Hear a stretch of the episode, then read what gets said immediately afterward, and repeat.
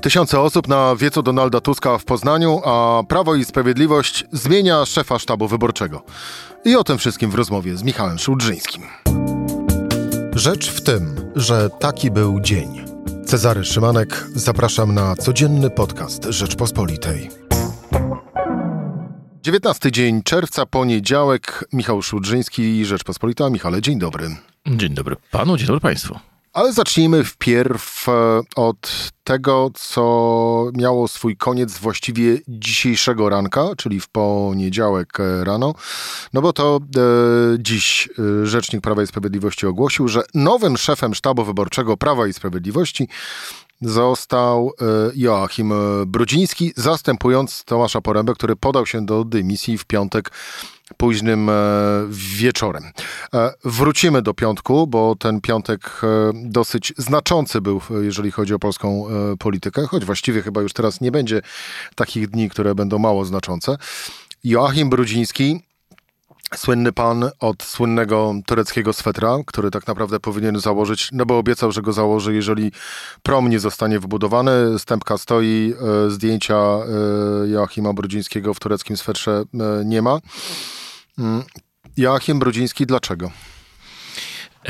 Joachim Brudziński został szefem sztabu. Ogłoszono to rzeczywiście dzisiaj. Najprawdopodobniej decyzja została podjęta w Krakowie wczoraj podczas urodzin Jarosława Kaczyńskiego. E, Jarosław Kaczyński 18 każdego miesiąca jeździ na Wawel na grób swojego brata. Wczoraj była to miesięcznica mm, pogrzebu, a zarazem e, urodziny Lecha i Jarosława e, Kaczyńskich. Mm, tam tradycyjnie odbywają się takie spotkania w małopolskiej siedzibie Prawa i Sprawiedliwości. Mm, w centrum Krakowa spotykają się najważniejsi.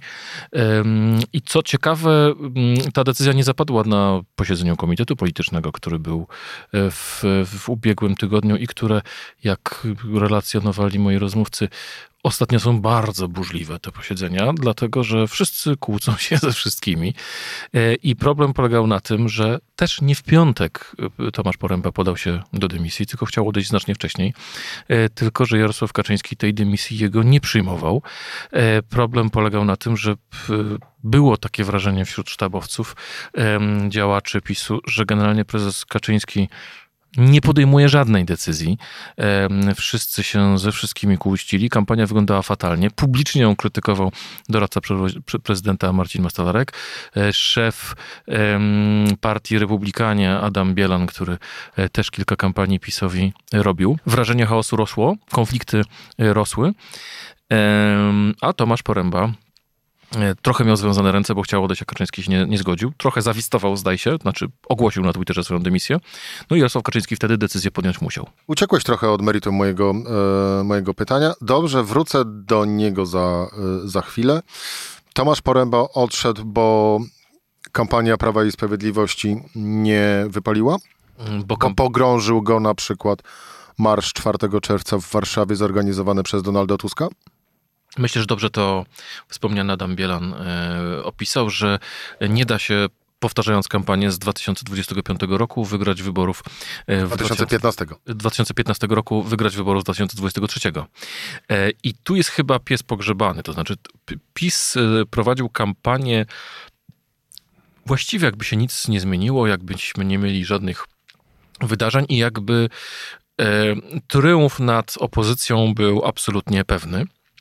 E, to w sztabie właśnie zwracano uwagę na to, że to właśnie Marcin Mastalarek właśnie zwrócił uwagę na to, że sztab nie przygotował odpowiedzi na marsz 4 e, czerwca, że żadnej takiej odpowiedzi nie było, a e, filmik z Auschwitz raczej nie, nie był poważnym e, wydarzeniem w sensie powagi politycznej, tylko był raczej sztu, sztubackim wygłupem. No i również był takim namacalnym, kolejnym zresztą e, do, dowodem, a właściwie argumentem e, za tym, aby na marszu się pojawić. Ale żeby na marszu się pojawić, a zatem PiS nie potrafił jak gdyby nawiązać kontaktu z Platformą, to znaczy prowadził kampanię sobie, na to się jeszcze nakładał inny kłopot, a mianowicie z powodów, y, to piszę o tym w tekście, który wisi nam na rp.pl, y, w sztabie nie było ludzi y, premiera Morawieckiego w efekcie pewnych personalnych konfliktów.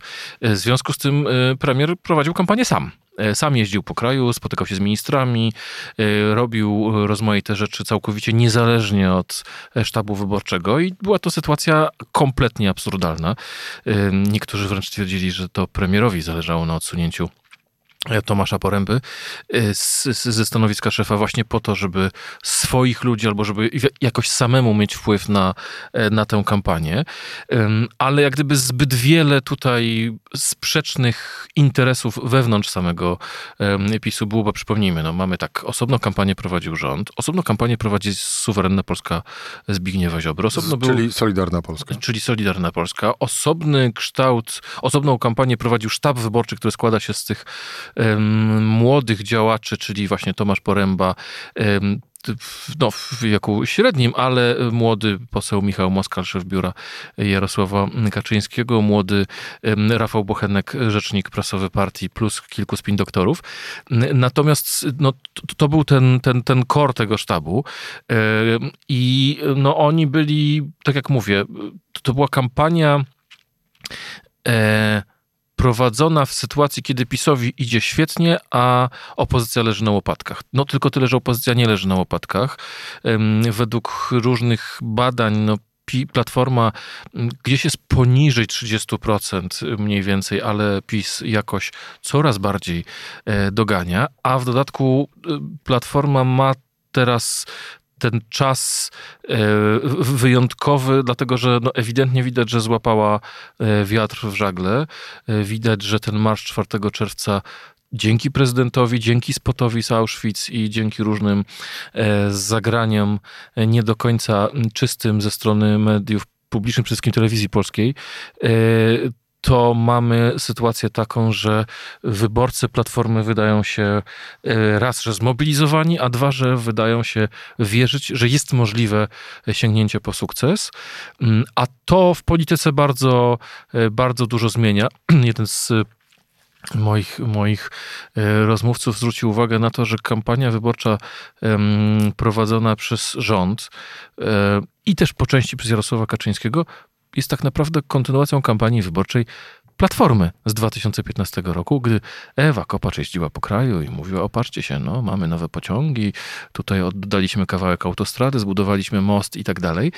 Mm, kłopot polega na tym, że w kampanii wyborczej bardzo wiele osób uważa, że to, co było, to już jest, to już się należy. Droga stała wybudowana, oczywiście pod warunkiem, znamy takie przypadki, że nie oddawany jest po raz kolejny ten sam odcinek drogi, więc żeby go otworzyć, trzeba go najpierw zamknąć, e, albo mamy te e, słynne przykłady wozów strażackich, które są darowane przez e, polityków w kolejnych, kolejnym remizom strażackim.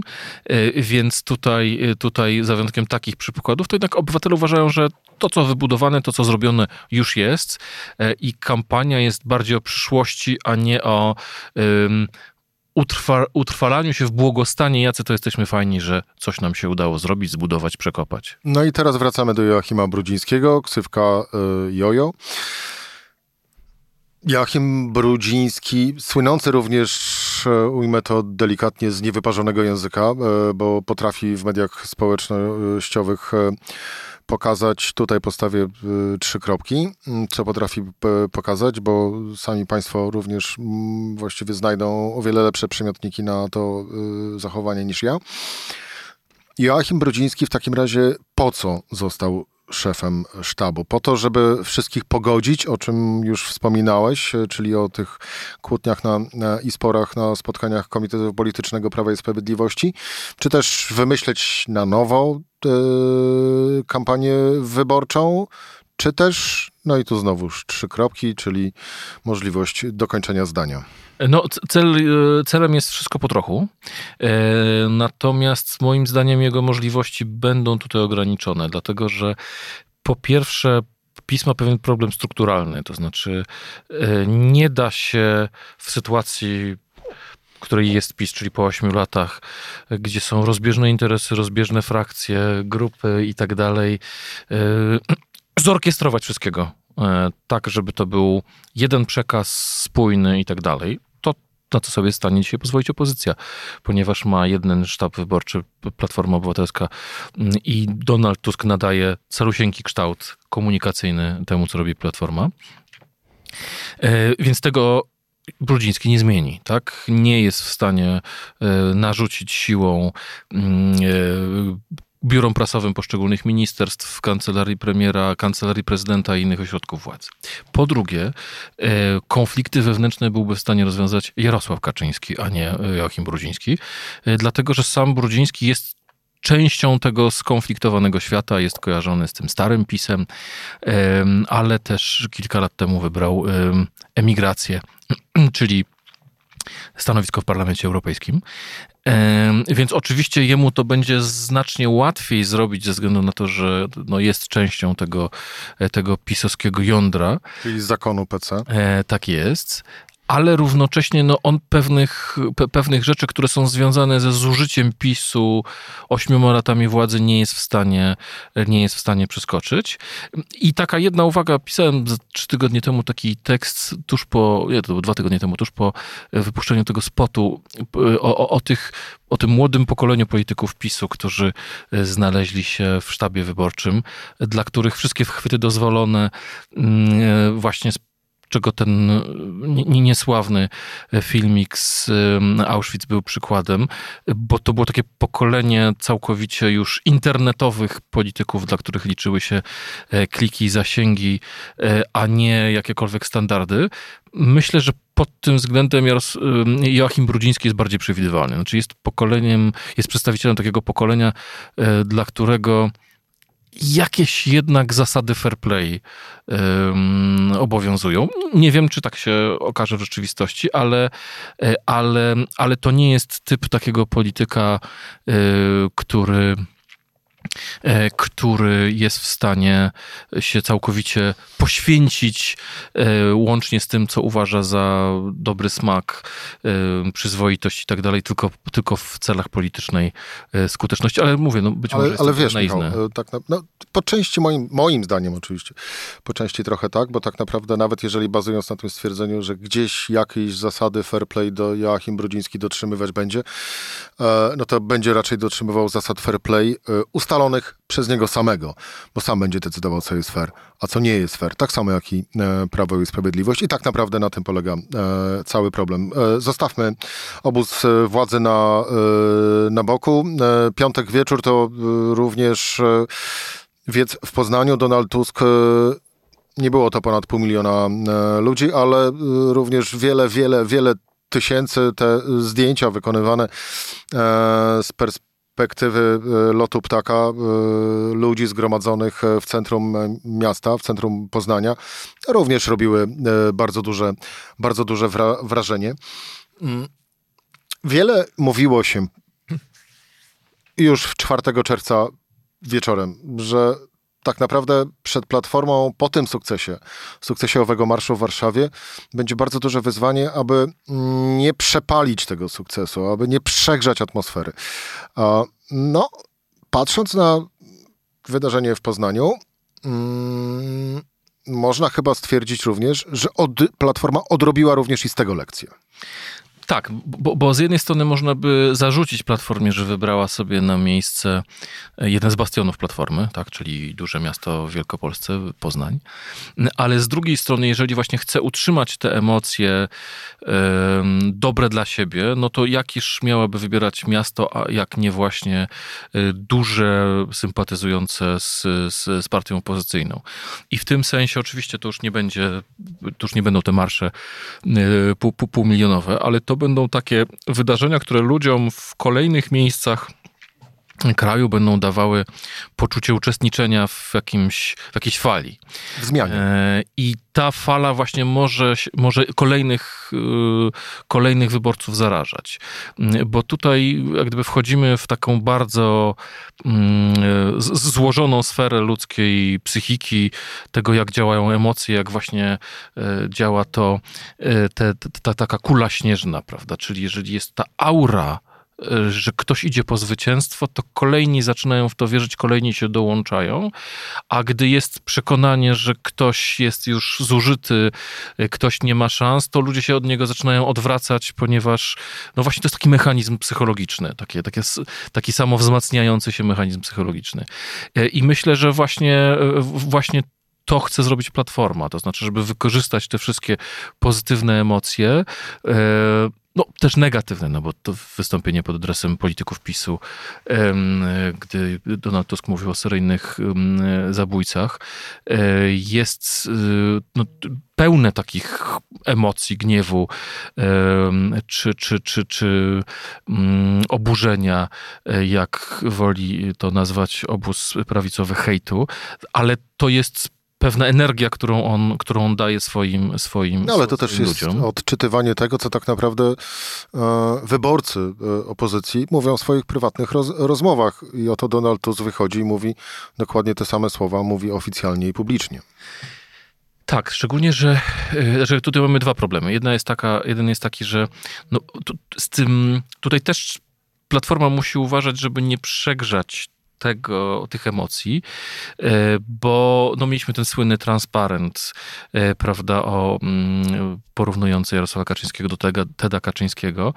Mm, no on był oczywiście niesmaczny, i oczywiście nie wiemy, kto jest jego autorem. Tak? Czy to jest sympatyk opozycji, czy to jest prowokator, który tam, tam przyszedł ale widząc emocje, bardzo duże emocje stro- w, sympatyków Platformy po stronie, mm, w, w mediach społecznościowych, no, no, no, widać, że jeszcze więcej tych mocnych emocji Donald Tusk nie, nie, nie potrzebuje, a gdy, i, gdy ich będzie z kolei za dużo, to się będzie wystawać na strzał, e, na, na strzał drugiej strony. No jednak to było zaskakujące, że ten e, transparent z Tedem Kaczyńskim właściwie zdominował część dyskusji po, w, w weekend dotyczącą oceny e, tego marszu i zmusił Platformę do tłumaczenia się, prawda? I dlatego Borys Budka napisał, że tak, on po pewnym czasie został usunięty, ale no przez ileś tam minut Donald Tusk przemawiał na, na, na jego tle.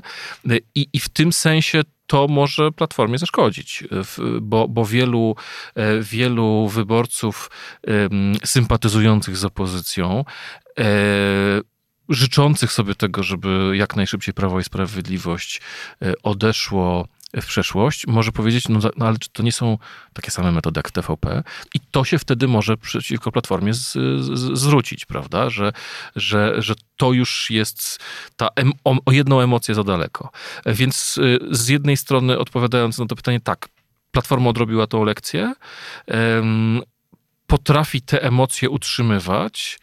E, natomiast um, oczywiście to jest taki element um, trudny ze względu na zbliżające się wakacje. No, potrzebujemy wyższego poziomu emocji, żeby ludzi, którzy pakują się na urlopy, do polityki e, do polityki jakoś przytrzymać, ale e, no to jest problem, który nasza polityka ma od zawsze, no bo właściwie większość wyborów parlamentarnych odbywała się dotychczas jesienią i, i zawsze tak było, że no, kampania na czas wakacji jakoś przygasała, ale dlatego tak ważny jest ten moment zeszłego tygodnia, jeszcze ostatni weekend roku szkolnego, czyli przyszły weekend, gdy Platforma um, będzie miała kolejne swoje, swoje, e, swój, swój wiec, e, po to, żeby jak gdyby wygrać ko koniec tego, e, tego sezonu politycznego. Tak, na wakacje wszystko będzie szło, będzie raczej przedłużeniem tego, co się działo w ostatnich, w ostatnich e, tygodniach.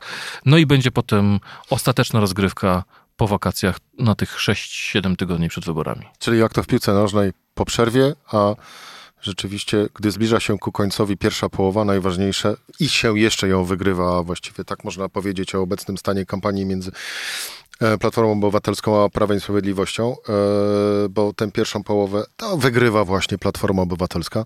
No to najważniejsze z punktu widzenia wygrywającej drużyny jest to, aby nie dostać gola tak zwanego do szatni, czyli żeby zejść do szatni na przerwę jako wygrani, no bo wtedy na drugą połowę również wychodzi się w o wiele mm, lepszej, e, przynajmniej tej kondycji, kondycji psychicznej i z wiarą zwycięstwo. Michał Szulżyński, Rzeczpospolita, dziękuję Ci bardzo za rozmowę. Dziękuję bardzo. To była Rzecz w tym w poniedziałek. Cezary Szymanek, do usłyszenia.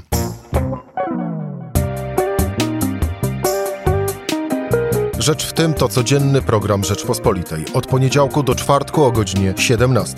Słuchaj na stronie podcasty.rp.pl. Włącz Rzecz w tym w serwisie streamingowym.